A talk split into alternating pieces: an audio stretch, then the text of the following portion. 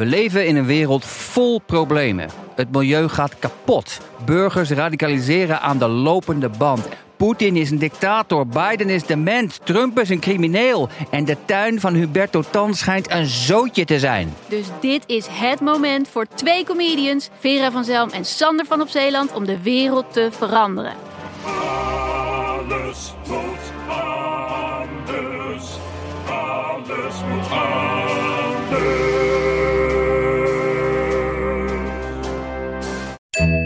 deze week wordt de Echt Gebeurd podcast mede mogelijk gemaakt door Best Secret, het exclusieve online modewarenhuis. Bij Best Secret krijg je toegang wanneer je door vrienden wordt uitgenodigd of als luisteraar van Echt Gebeurd.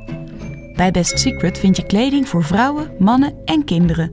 Bovendien krijg je er korting op merken als Levi's, Tommy Hilfiger, Scotch Soda en nog veel meer.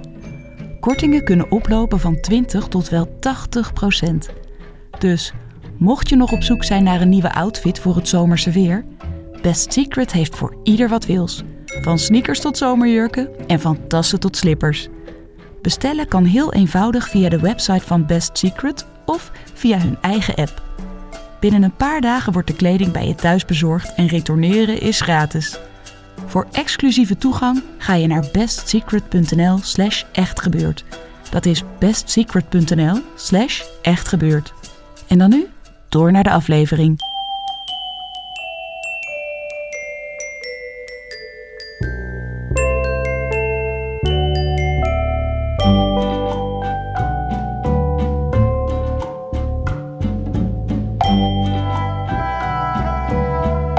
Welkom bij aflevering 256 van Echt Gebeurd. De podcast waarin waargebeurde verhalen worden verteld door de mensen die ze zelf hebben meegemaakt. In deze aflevering een verhaal dat Elisa vorig jaar bij ons vertelde tijdens een verhalenmiddag met als thema dieren.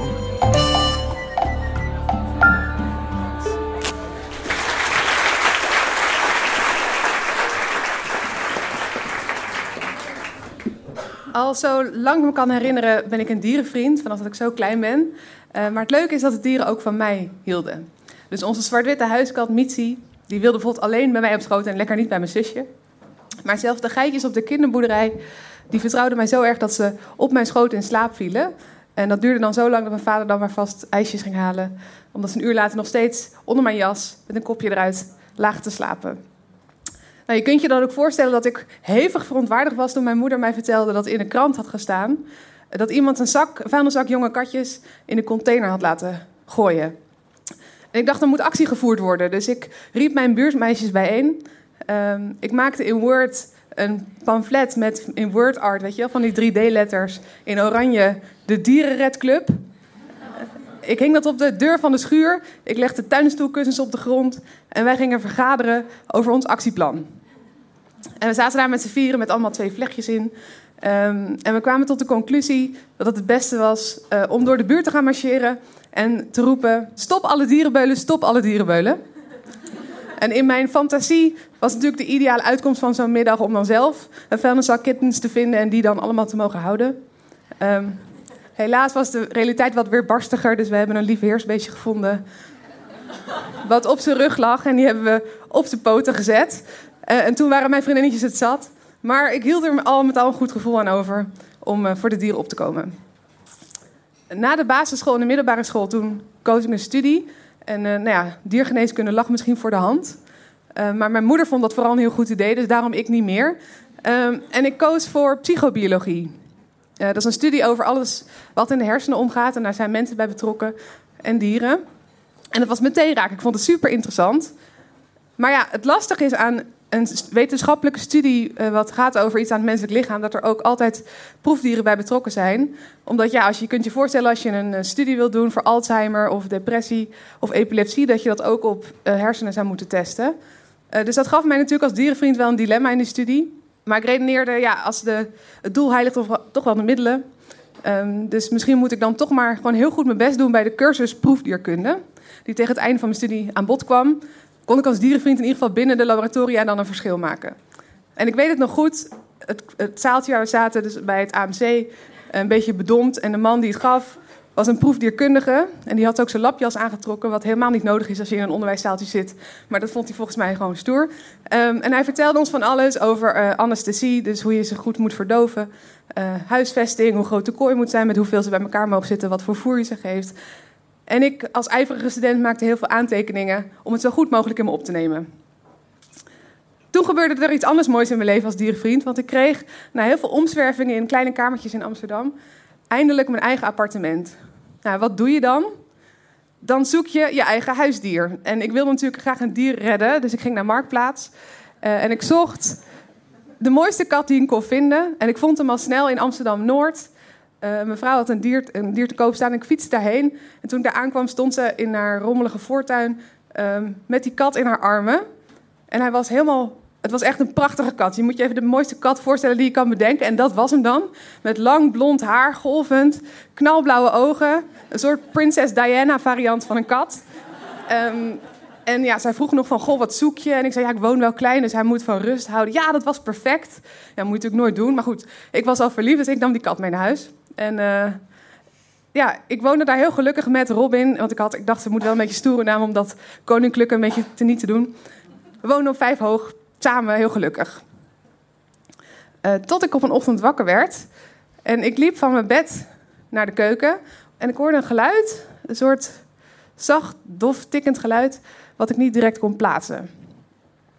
En ik keek zo om me heen. Uh, ik zag die kat ook niet direct. Dus ik dacht, nou, dan maar even een rondje door mijn appartement. Dus ik ging in de badkamer kijken. En toch maar even in de slaapkamer. Uh, daar zat ineens Robin. Dus gelukkig was er niks met die kat. En ik liep terug en ik ging op de bank zitten. En weer. Zo'n kloppend, zacht tikkend geluid. Ik dacht, nou ja, het is Amsterdam, hè? misschien zijn het mijn buren. Je weet nooit waar mensen van houden. Um, maar ja, het, bleef, het hield aan. Dus ik dacht, ja, op een gegeven moment, waar kan het nou vandaan komen? En toen besefte ik me dat ik nog niet op het balkon had gekeken. En ik woon dus in een, in een staatsliedenbuurt, maar wel in zo'n nieuwbouw flat. Dus die hebben zo'n heel onhandig balkonnetje. Zo een halve meter diep, waar je eigenlijk niks mee kan. Eén stoel opzij zitten, maar wel vijf meter lang. En dan zo'n heel modern oranje hek. Um, dus ik deed zo die brede deuren open, die wel naar een balkon gingen. Ik stak mijn hoofd om de hoek. En mijn hart die stond meteen in mijn schoenen, want wat ik zag was een oase aan veren. Overal veren. Alsof iemand een kussengevecht had gehouden op mijn balkon. En in de hoek van mijn balkon zat een, wat een grijs bolletje, verstrikt geraakt in een net wat ik had gespannen om, mijn kat, om te zorgen dat mijn kat niet van het balkon zou vallen. Um, het, het, ritselde wat en het was, een, het was de buurduif, die eigenlijk altijd bij mij op het platte dak ook zat. En snel, ik was natuurlijk in paniek, dus, ik ging snel terug naar binnen, deur dicht, dat die kat niet naar buiten kon. Liep naar de keuken, pakte daar een keukenschaar uit de la.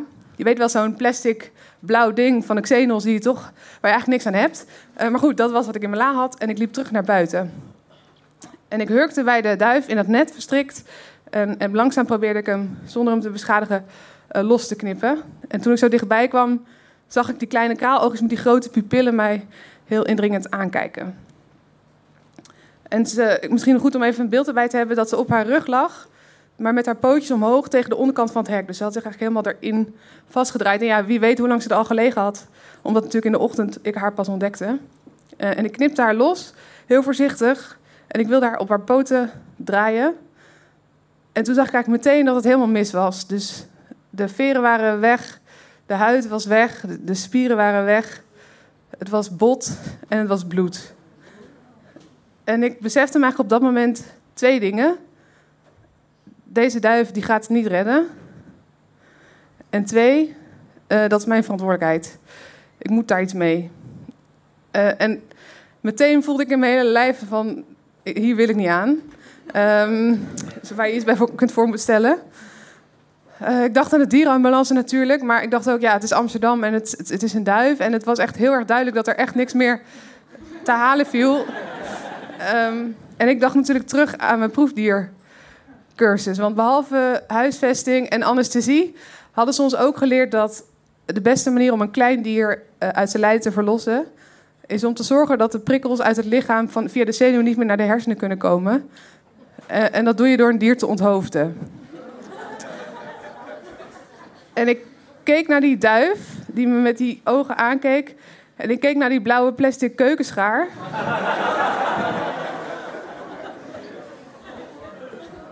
en ik besefte me dat dit een rare dag was.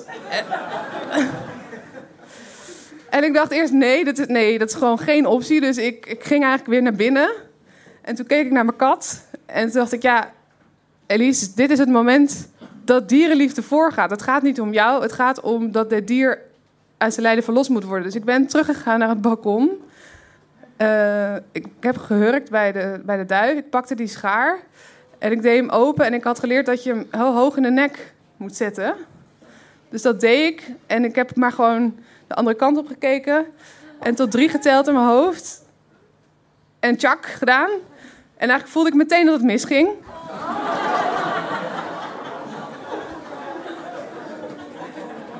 Uh, want ik, ik, raakte meteen bot. En de duif die had een soort laatste stuiptrekking. Dus die begon te fladderen. En ik schrok daar zo van. Ik stond natuurlijk helemaal onder spanning. Dat ik met een gil ah, zo die duif vijf meter, uh, vijf hoog naar beneden heb laten vallen. Gelukkig hield ik wel de schaar vast. En ik keek zo naar beneden over het hekje van mijn oranje balkon. En die duif, die, ja, die, in zijn val, hij kon niet meer fladderen. Dus het was meer een, wolk van veren. En toen hij op de grond kwam, was hij meteen dood. Ik zag ook een, meteen een plasje bloed ontstaan bij zijn hals. Dus ik had zijn halsslagader gelukkig wel geraakt. En hem dus uit zijn lijden verlost. Wat natuurlijk de hele tijd het doel was geweest van deze actie. Uh, en ik stond naar te kijken en ineens besefte ik me... Elisa, je woont aan de straatkant. Dus mijn buren, die kunnen dat natuurlijk gewoon zien gebeuren. En wie weet dat iemand dat wel gezien. En die dacht misschien dat ik een psychopaat zou zijn. Dus snel ging ik weer naar binnen en ik, en ik dronk mijn kopje thee en ik probeerde een soort van te, te bevatten wat er net allemaal was gebeurd. En ik durfde ook mijn huis niet uit in de, in angst dat iemand me dit had zien doen en me vragen ging stellen. En ik kon het zelf ook nog niet helemaal plaatsen. Uh, maar de volgende ochtend, de volgende dag kwam ik mijn onderbuurvrouw tegen. Dat is een echt lekkere Jordaanese vrouw. Uh, die zei: Hé hey schat, klopt het dat er bij jou een duif tegen de, tegen de raam is geknald? Al vliegend, want er kwam er eentje naar beneden zeilen. en ja, toen heb ik maar uh, ja gezegd. ja, en dit, dit, verhaal vertellend realiseer ik me dat dierenliefde in een klein hoekje van je balkon kan zitten. Dank jullie wel.